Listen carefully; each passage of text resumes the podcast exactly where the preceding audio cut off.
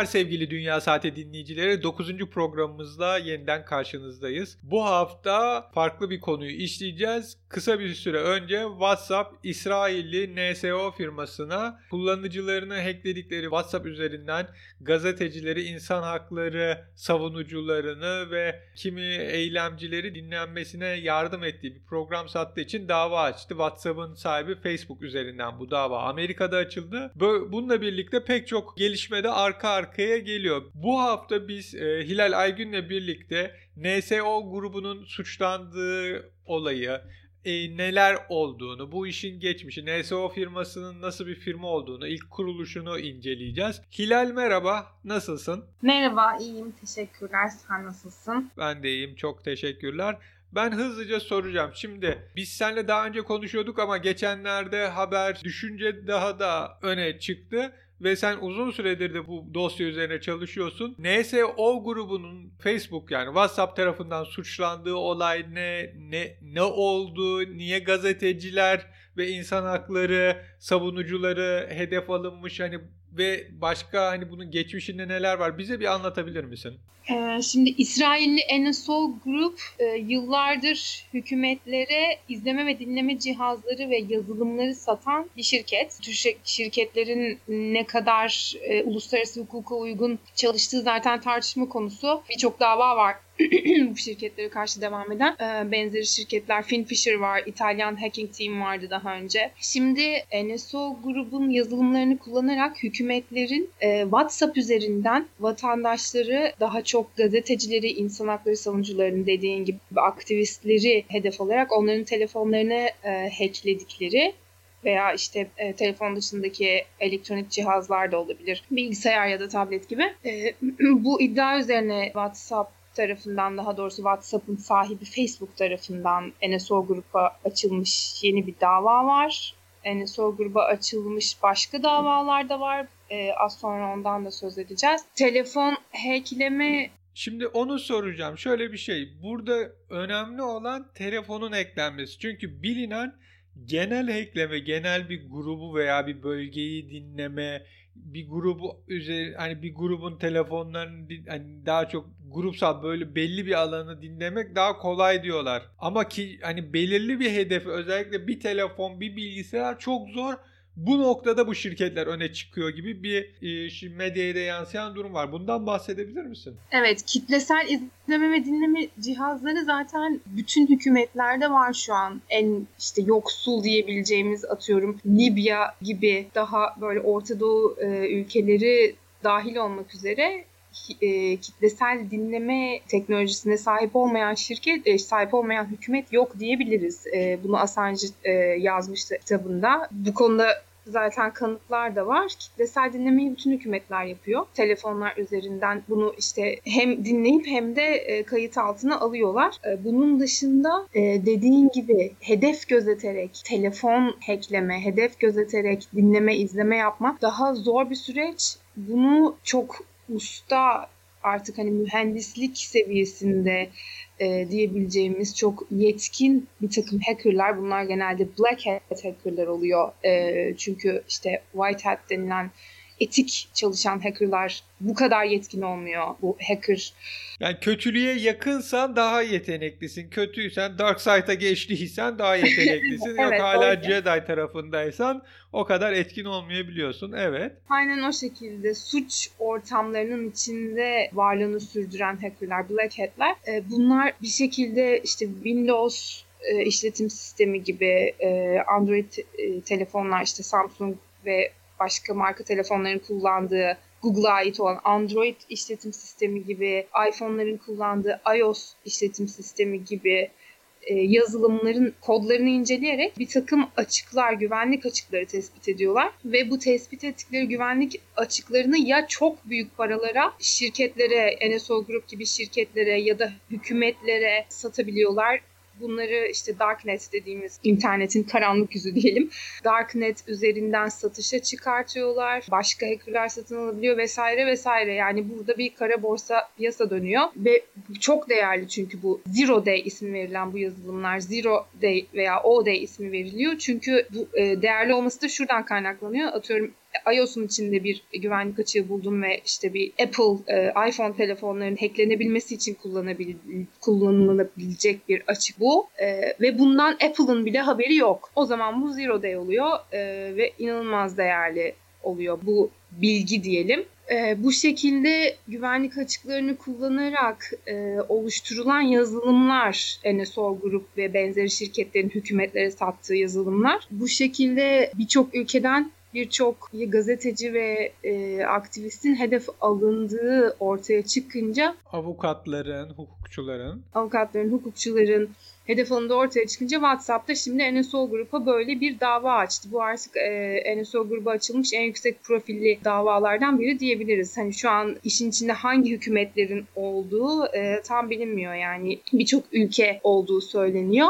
Peki e, açılan diğer davalar ne? Onlardan da bahsedebilir miyiz? E, açılan diğer davalar Türk halkının yakından takip ettiği Cemal Kaşıkçı davasının da aslında çok kritik bir noktasında hani sol grup devreye giriyor. Kaşıkçı cinayetinin sorumluları arasında bile sayabiliriz Enosol grubu, İsrailli şirketi. Çünkü Cemal Kaşıkçı'nın peşine Suudi hükümetinin e, bu kadar canla başla düşmesinin sebebi Kaşıkçı ve Kaşıkçı ve çok yakın arkadaşı olan şu an Kanada'da mülteci olarak yaşayan Suudi aktivist Ömer Abdülaziz arasında geçen WhatsApp yazışmalarını e, hükümetin, Suudi hükümetinin ele geçirmiş olması, bir şekilde hackletmiş olması sonucunda Kaşıkçı'nın peşine düşürüldü. Çünkü bu yazışmalarda Kaşıkçı ve Abdülaziz'in e, elektronik arılar adı altında Electronic Bees diye bir siber ordu projesi üzerinde çalıştığı, Suudi hükümetinin propaganda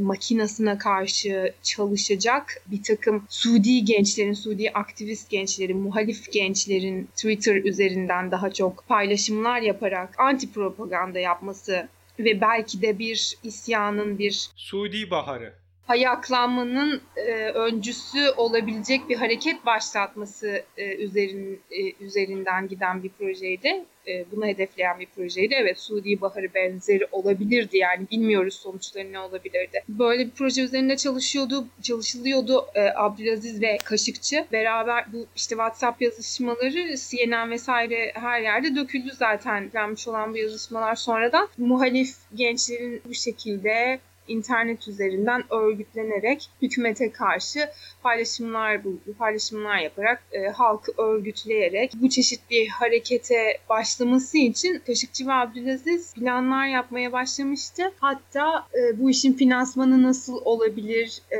nereden sağlayabiliriz, işte e, bu insanlara bu paylaşımları yapılacak yapacak olan elektronik arılara nereden fon sağlayabiliriz konusuna kadar tartışılmıştı bu yazışmalarda ve e, hatta ilk bir miktar 5000 dolar gibi bir şeydi sanırım yanlış hatırlamıyorsam. İlk taksit olarak bir miktar fon sağlamayı da başardığını söylüyor e, Kaşıkçı. Bu projeye yatırmak üzere e, bu kişileri dağıtılmak üzere. Bu mesajlarda bunlar var. Şimdi Suudi hükümeti Kaşıkçı'nın WhatsApp yazışmalarına nasıl ulaştı bu elektronik arılar projesinden haberdar oldu da ta İstanbul'daki Suudi Büyükelçiliğine kadar uzanan bu korkunç cinayet planını tasarlamaya başladı. Şöyle, Kaşıkçı'nın değil fakat e, onun sık sık yazıştığı yakın arkadaşı olduğunu bildikleri Ömer Abdülaziz'in Kanada'da yaşayan Suudi aktivist Ömer Abdülaziz'in cep telefonunu hackleyerek bu bilgilere, bu WhatsApp yazışmalarına ulaştı Suudi hükümeti ve bu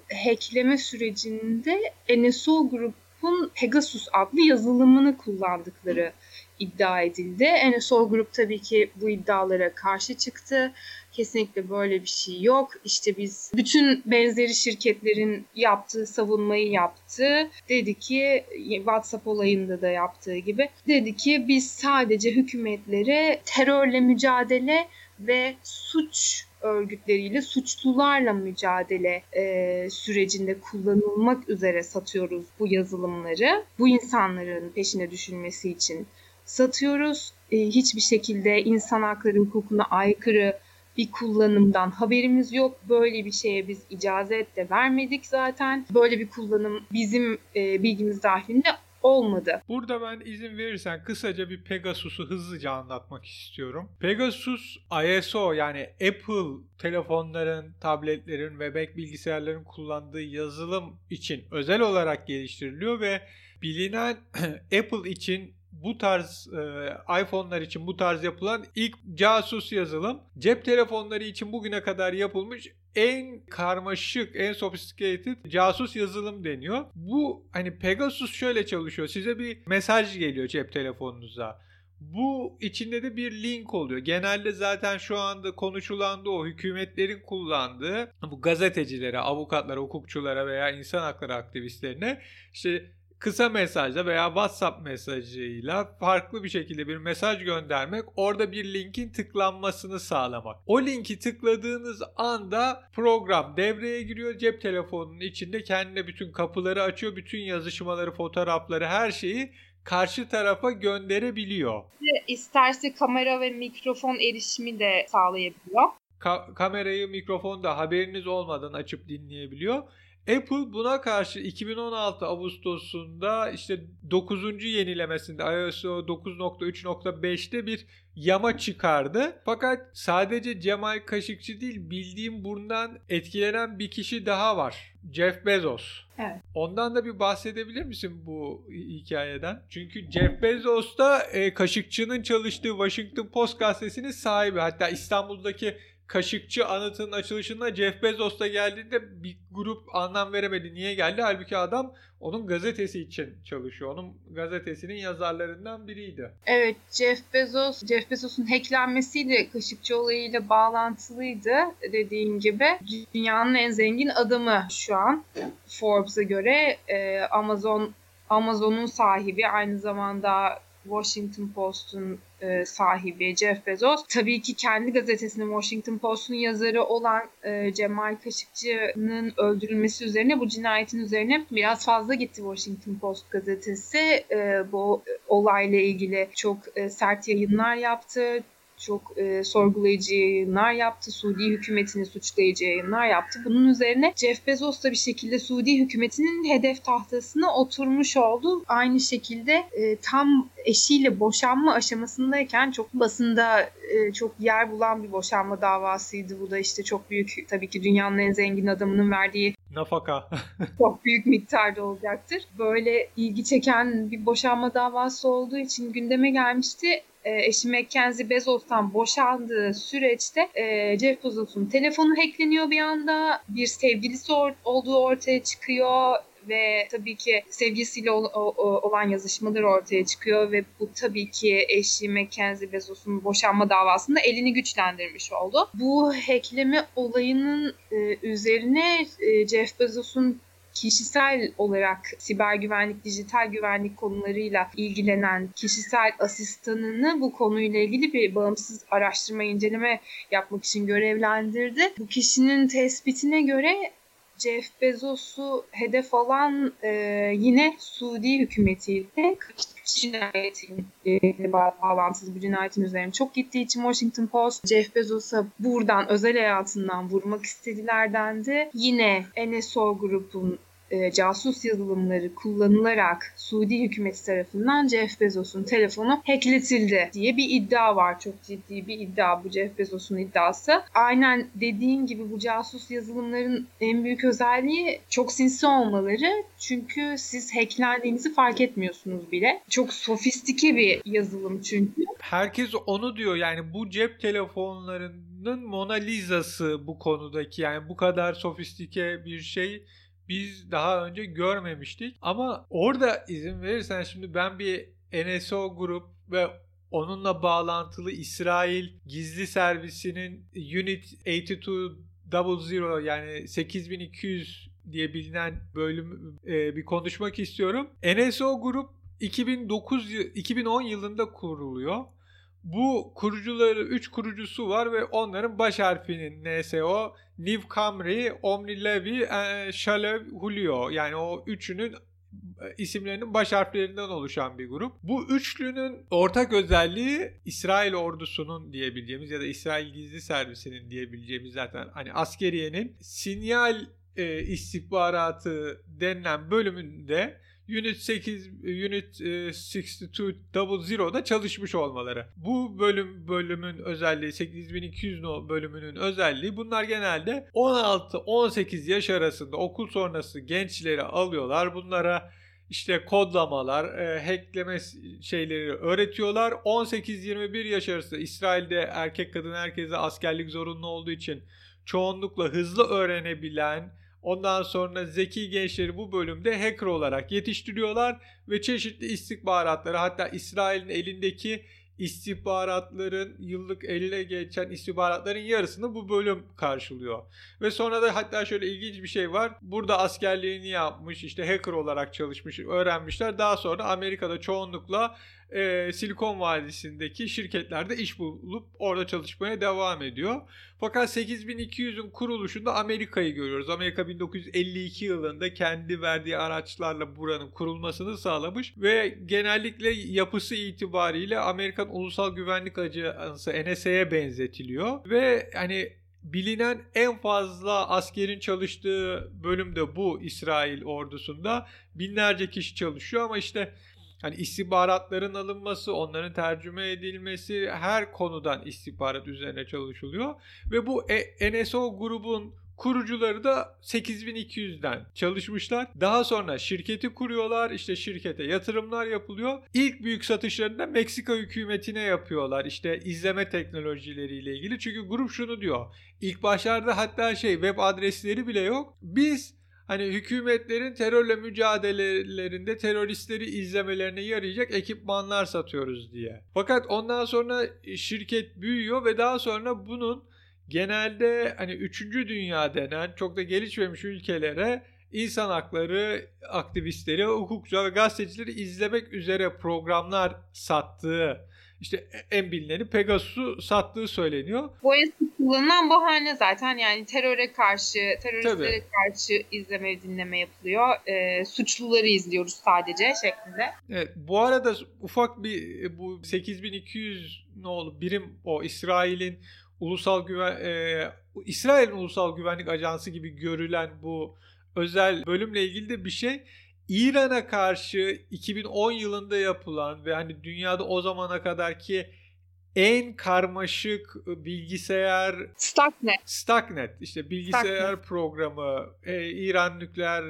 ajans hani İran'ın nükleer çalışmalarını engellemek için yapılan korsan yazılım Stuxnet'in bu şey tarafından çoğu medya organı tarafından Amerikalılarla birlikte 8200'deki çalışan hackerlar tarafından yapıldığı söylendi. Yine 2011 yılındaki Duku ve sonradan çıkan Duku 2.0 var ki Duku 2.0'ın da özelliği şu. Bu Duku 2.0 sayesinde şeyi hacklediler. Rus hackerların Amerika'yı Amerika'da işte sosyal medya üzerinden yaptıkları hacklemeleri, Amerika'daki hedefleri hacklemelerini fark ettiler. Ve ondan sonra Amerika'da uyarıldı işte Ruslar sizi hackliyor diye. Bu anlamda da çok önemli bir noktası var. Stuxnet'ten bahsettin. Stuxnet e, dünyanın ilk dijital silahı olarak adlandırılıyor. Ee, yani siber güvenlik tarihinde çok önemli bir yeri var. Çünkü dediğim gibi e, Amerikan ve İsrail ortak çalışmasıyla... iddia bu tabii kanıtlanamadı. iddia Amerikan ve e, İsrail ortak çalışmasıyla İran nükleer programının hedef alınması ve dijital bir silahın e, ilk kez bir yazılımın e, dış dünyada fiziksel bir etki yarattığı ilk saldırıda diyebiliriz buna. Yani şimdi işte artık çok sık yaşanıyor haber saldırı yolu, yoluyla işte elektriklerin kesilmesi veya işte altyapı sistemlerinin tren, metro gibi çalışmasının durdurulması, banka çalışmalarının durdurulması ama bu bahsettiğin Stuxnet bu dış dünyada etki yaratan ilk dijital saldırıydı diyebiliriz. Hatta şöyle bir iddia var. Amerika'nın hani bu Stuxnet'e silah dersek internetin atom bombasını tasarladığı da söyleniyor. Hatta yanılmıyorsam bunu Trump ıı, ya da Obama söylemişti. Bu ıı, Sony'nin hacklenmesinden sonra işte biz elimizde bir şey var şu an anlatamam ama yani internetin atom bombasını geliştirdik zannediyorsam gibi sonrasında tamamen konu kapandık devam edilmedi. Biz geri dönersek Pegasus özellikle iPhone'lar üzerinde çalışan bir şey ve bütün yazışmalar hani şöyle de ilginç bir şey var. Snapchat yazılımlarına kadar aldığı söyleniyor Pegasus'un. Yani daha çok şey söyleniyor. WhatsApp, Telegram, Facebook, Gmail, Viber, e-message, Skype ama e, Snapchat yazışmalarında bir şekilde veya orada gönderilen fotoğrafların da eğer telefonda Pegasus yazılımı varsa ele geçtiğine dair bir iddia var. Ee, evet çünkü hackleme biçimlerinin şu şekli de var. Yani bir kısmında size işte bir dost dediğin gibi bir link vesaire gönderiliyor işte e, meşru legitimate bir e, link olarak gözüküyor ve ona tıklanmak e, tıklanmanız bekleniyor. Diğer bir türünde de e, arama yapılıyor. İşte bu WhatsApp'ta, e, WhatsApp üzerinden e, NSO grubun e, araçlarıyla hackleme bu şekilde işlemişti zaten. Video arama, video e, görüntülü arama, video chat e, araması şeklinde siz o aramaya cevap verdiğinizde hacklenmiş oluyorsunuz. E, hiç aklınıza gelmeyecek bir şekilde bir takım saldırı biçimlerinde de bu görüntülü veya sesli arama geldiğinde siz açmasanız dahi hacklenmiş oluyorsunuz. Böyle de bir daha, daha sofistike yöntem var. Bunlar tabii yani dediğim gibi çok büyük e, paraların döndüğü bir sektör. Bunun dışında yine ilginç bir haber vardı önceki gün. Trump'ın avukatı aynı zamanda siber güvenlik uzmanı Giuliani. Giuliani evet. evet çok iPhone'un şifresini unutuyor. 10 defa evet 10 defa yanlış şifre girdiği için telefon kilitleniyor. Kilitleniyor ve San Francisco'da bir Apple mağazasına gidip telefonu verip ya bunu bir düzeltin diyor. Bundan sonra da istihbarat deliriyor. Yani sen siber güvenlik danışmanısın. Başkanı... Siber güvenlik şirketi var Gülyani'nin kendine ait. Aynı zamanda da bu sebepten Trump'ın siber güvenlik danışmanı olarak aday gösterdiği isimdi ilk e, göreve geldiği zaman zamanlarda. Ve yani şey diyorlar hani senin gibi top profilde birinin öyle gidip Apple'da çalışan herhangi bir daha kendi telefonuna, kendi cihazlarına bile hakim olamayan birinin işte nasıl e, ülkenin o koskoca... ayrı bir de hani telefonda çok gizli bilgiler olabilir. Sen Apple'da çalıştıran kişiyi bilmiyorsun. Orada rastgele birinin eline verip bu telefonu düzeltin diyorsun. İçindeki bilgiler gider mi, gitmez mi? Hiçbir korku yok. Ben kaç yıl önce paylaşmıştım e, Twitter'da. Amerika'da bu Assange'ın tutuklanmasından sonra bir hack dalgası olmuştu. Hatırlar mısın bilmiyorum. Amerika'da baya bir yerde internetin kesilmesine neden olmuştu. Ee, şey denmişti işte Assange'ın tutuklanması e, şey bu ilk şey Ekvator'a sığınmasına neden olan işte Kerry'nin Obama döneminde Dışişleri Bakanı o zaman John Kerry'nin baskılarıyla işte Ekvator'a yaptırımlar falan konuşulurken bir Amerika'da hacklenme dalgası olmuştu ve işte doğu ve batı kıyılarında özellikle internete girilememişti belli bir süre. Çok sonrasında çok ilginç iki tane harita geçti elime. Biri o hacklemenin özellikle etkilediği Amerika üzerindeki bölgeler işte yani ana nokta şu ve böyle yayılıyor. Yanına ben şeyi koymuştum. Amerika'daki Rus elçiliklerinin bulunduğu bölgelerin haritası tahmin et ne çıkıyor. O elçiliklerin olduğu yerler hackleme dalgasındaki ana noktaların başladığı noktalar. Hmm. Ama işte hani Amerika'da bu Rusya ile siber dünyadaki mücadelesi hala devam ediyor. Hani Rusya'da ne oluyor çok haberleri çıkmadığı için bilmiyoruz ama Amerika'da yaşanan her şeyi öğrenebiliyoruz. Bu bahsettiğin kitlesel çaptaki e, internet erişiminin bloke edilmesi şeklindeki saldırı şimdi o da e, birkaç kere daha yaşandı. Yani dünya çapında işte internete girilemediği, internetin e, işte yavaş çalıştığı vesaire. Bunun nasıl yapıldığından da biraz bahsedelim. Bunu mesela bir tanesinde Dyn DNS'e yönelik bir saldırı sonucunda olmuştu. Dünyanın işte en büyük internet sitelerine DNS hizmeti veren e, şirketleri hedef alıyorlar bu tür saldırılarda. Yani işte Twitter gibi, Facebook gibi, işte Google gibi büyük internet platformlarına hepsine birden hizmet veren bir e, servisi seçtiğinde hedef olarak hackerlar veya e, hacker demeyelim. Bu çok yanlış e, adlandırılıyor. Bu hackleme değil çünkü. Bu DDoS saldırısı. Evet o farklı bir biçim. Bu bu şekilde e, insanların internete erişimini engellemiş ya da bloke etmiş oluyorlar. Fakat orada da şöyle bir şey var. Siz Yani farkında trafik- olmadan bu işe yardımcı da olabiliyorsunuz. Eğer bir şekilde bir program sizin bilgisayarınızı ele geçirdiyse veya siz hani bir sayfayı açıp unuttuysanız sizin bilgisayarınızı ele geçirip bu DDoS saldırılarında sizin bilgisayarınızı da kullanabiliyorlar. Çünkü Evet, buradaki botnet. Botnetlerini sizin bilgisayarınızı veya hatta evlerinizdeki internete bağlı çalışan çeşitli akıllı cihazları da bütün bu aygıtlar. dahil edebiliyorlar. Evet, bu şekilde DDoS saldırısından da bahsedelim. Bu trafik, aşırı trafik yükleme şeklinde. Yani şöyle basit bir bu internete giden bir yol var. İşte o yol üzerinde bilgiler gelip gidiyor. Bu DDoS, saldırı, DDoS saldırısında bütün bu aletlerle hani sizin e, laptopunuz, cep telefonunuz, tabletiniz de belki kullanılabiliyor. Haberiniz yok. Böyle milyonlarca aletten aynı anda veri isteği gidiyor.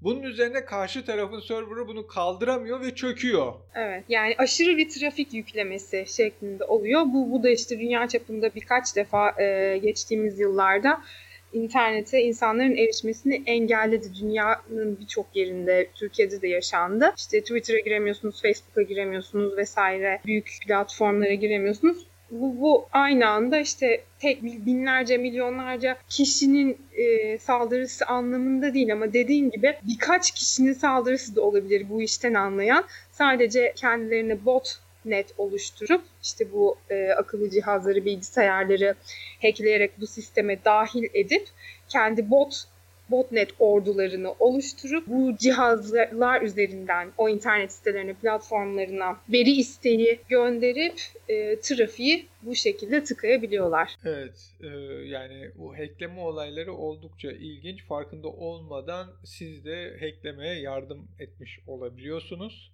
Ama tanımadığınız, bilmediğiniz, güvenmediğiniz herhangi bir kişiden gelen mesajda bir link varsa onu tıklamayın. Evet kesinlikle hiçbir şekilde yani ben e, devlet dairelerinden gelen mesajlardaki linklere bile tıklamıyorum kesinlikle telefonumda çünkü oradan gelmiyor olabilir veya Ayrıyeten e, şöyle de bir şey var tabii bu hani Türk hükümeti ne- nezdinde söylemiyorum. Genel olarak bütün dünyada olan bir şey. Bazen hani belli ülkelerin muhaliflere özellikle muhalif görüşleri bilinen kişilere mesaj attı. En son şimdi Hindistan'da var mesela mesaj attı. Oraya da işte belli bazı bilgiler verdi. İşte ya da şuraya tıklamanız gerekiyor. İşte yan, sağlık şubesi açıldı. Yeni bir hastane açılıyor. Kayıt için buraya tıklayın gibi bir, bir şey geliyor. O linke tıkladığınız anda bütün bilgisayardaki veriler şunlar bunlar arka kapı açılıp gitmiş oluyor. O yüzden bazı ülkelerde hükümetlerin gönderdiklerine bile muhalif görüşteyse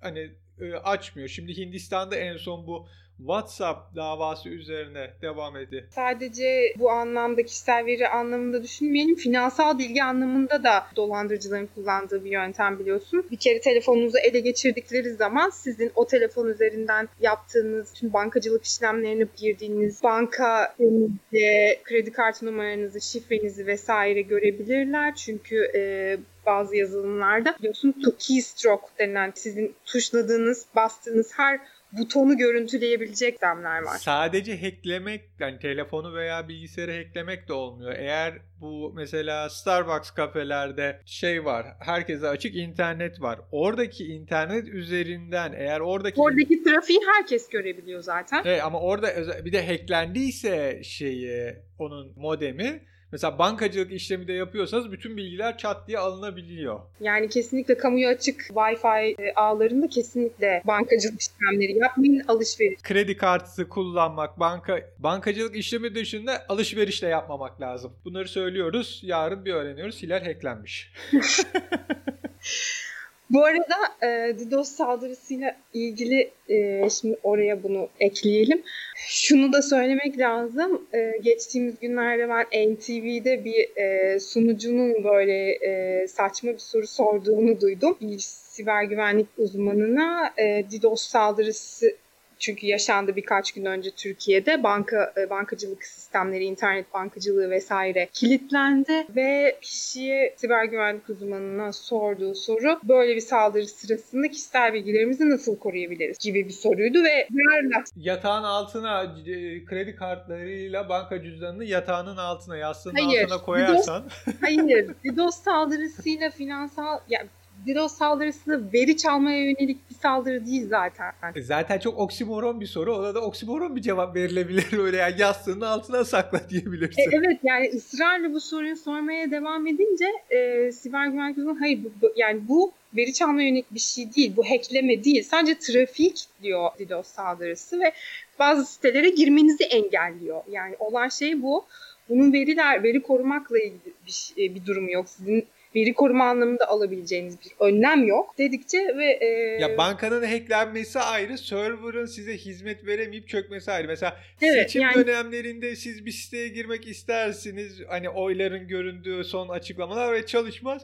O çünkü fazla talep olduğundandır. Bazen indirim sitelerinde olur. Mesela sabah saat 8.35'te bir ayakkabı işte indirime girecek denir. 8.34'te bir girersiniz site çökmüş çünkü o kadar fazla kişi girmiştir ki site onu kaldıramamıştır. Bu da bir nevi DDoS, DDoS saldırısı. Bu iyi niyetli bir DDoS saldırısı. O ayakkabıyı ucuza alayım gibi. Evet. hani bu bankaya olan da öyle. Yani daha komplike, daha bilinçli bir şekilde. Ama bir şey almak için değil, hizmet veremesin ve prestiji düşsün. Evet, yani işte bu soruyu ısrarla sormaya devam edince e, uzman da artık şey dedi yani sık sık şifrelerinizi değiştirin dedi. Yani bu da çok genel bir e, önlemdir zaten. Hani bunun DDoS'la da ilgisi yok. Hani bu herkes için genel geçer bir e, dijital güvenlik kuralı. Bunu da yapın yani dinleyicilerimiz için söylüyorum. Sık sık şifrelerinizi değiştirin. Ama yani lütfen 4-0, 1-2-3-4 999 ya da işte doğum tarihim. İşte Kesinlikle. çocuğun doğum tarihi. Böyle basit Çünkü... bulunabilecek şeyler kullanmayalım. Benim e, nasıl Bitcoin zengini olur kitabımda hani öyle bir bölüm vardı. Şifre hani şifre alacaksanız mailinize veya başka bir yere daha böyle komplike bir şey almaya da bakın gibi. Kitabımın da buradan bir daha reklamını da yapayım da. yani şifre oluşturucular işte password generator'lar var. Onlardan yararlanmak lazım. Ama ne kadar komplike bir şifre bulursanız bunun tanımadığınız birinden gelen linki tıkladığınız zaman hiçbir anlamı da olmuyor. Kesinlikle. Evet. evet iyi bir program oldu. Benim hoşuma gitti bu haftaki e, hacklemeler özellikle bu WhatsApp. Bir dakika şunu da söylemek istiyorum son kez. Çünkü bu şifrelerde şöyle bir durum var. İnsanlar zannediyor ki ben işte doğum tarihimi ya da işte yeğenimin doğum tarihini yazacağım. E, kimsenin aklına gelmez falan gibi ya da işte en sevdiğim şarkının ismini yazıyorum. Kimsenin aklına gelmez. Nereden bilsinler mantığı oluyor insanda. E, ama basit karakterler işte dediğin gibi e, sadece rakamlardan oluşan ya da sadece harflerden oluşan basit bir şifre olduğu zaman mantık kimsenin aklına gelmez şeklinde e, olmamalı. Çünkü bu, bu işte brute force denen bir yöntem kullanıyor hackerlar. Yani e, saniyede bilmem kaç bin tane e, karakter deniyor sizin şifrenizi tespit etmek için o yazılımlar, şifre kırıcı yazılımlar. Bunlar yani birebir oturup işte sizin şifrenizi tahmin etmeye çalış çalışma şeklinde olmuyor. İşte acaba yeğeninin doğum günü kendisinin doğum gününü mü yazmıştır şeklinde olmuyor dediğim gibi. Şif şifre kırıcı yazılımlarla yapıldığı için basit şifre seçilmesinin dezavantajı bu. O yüzden hatta şey bu özel karakterler denen işte parantez aç, soru işareti, işte apostrof gibi şeyleri de ara ara kullanın deniyor. Ayrıca şöyle de bir yöntem var. Sizin herhangi bir yerdeki açık profillerinizden, Facebook'taki, LinkedIn'deki e, Twitter'daki hani oradan verileri, bilgileri alıp onlar üzerinden de bir şey ulaşmaya çalışıyorlar. Hani evet. oralarda herhangi bir bilgi var. Mesela sevdiği şarkıyı 3-4 kere Twitter'da paylaşmış. Hı hı. Ya bunları da deniyorlar. Evet. evet, son başka söylemek istediğim bir şey var mı? Hmm, şimdilik bu kadar diyelim ama güzel bir yayın oldu. Benziyor. Eğlenceli, güzeldi. Umarım dinleyicilerimiz de beğenir. Umarım ki devamında yapabiliriz yine e, benzer konular gündeme geldikçe. Evet, e, bize sormak istediğiniz konuyla ilgili bir soru olursa yorumlarınız veya herhangi bir şey bize Twitter hesabımızdan, Geekgiller hesabından yine Facebook'taki Geekgiller sayfasından veya kişisel Twitter hesaplarımızdan ulaşabilirsiniz. Mail olarak da geekgiller.gmail adresine mail atarak sorularınızı gönderebilirsiniz. O zaman ben programı kapıyorum. Dinleyicilerimize son söyleyeceğim bir şey var mı? Dijital güvenlik konusuna önem versinler. Sadece bunu söyleyebilirim. Çünkü birçok insanın önemsemediği bir konu ve tüm hayatınızı kaydırabilecek sonuçları olabilen bir konu yani. Bunun için özellikle son dönemde çekilen filmleri izlemek de yeterli olabiliyor. Evet sevgili Dünya Saati dinleyicileri bir programımızın daha sonuna geldik. Önceki programlarımızı ve bizi Spotify'dan eğer Apple kullanıyorsanız Apple ürünleri iTunes'ta podcast application'ında e, yükleyip orada Geekgilleri yükleyerek Android e, temelli cep telefonları veya tablet kullanıyorsanız yine orada podcast application'ında Geekgiller programını seçerek dinleyebilirsiniz. Yayınlarımızı ayrıca SoundCloud'dan da ulaşabilirsiniz. Gelecek hafta farklı bir konuda tekrar görüşmek dileğiyle. Hoşçakalın. İyi günler.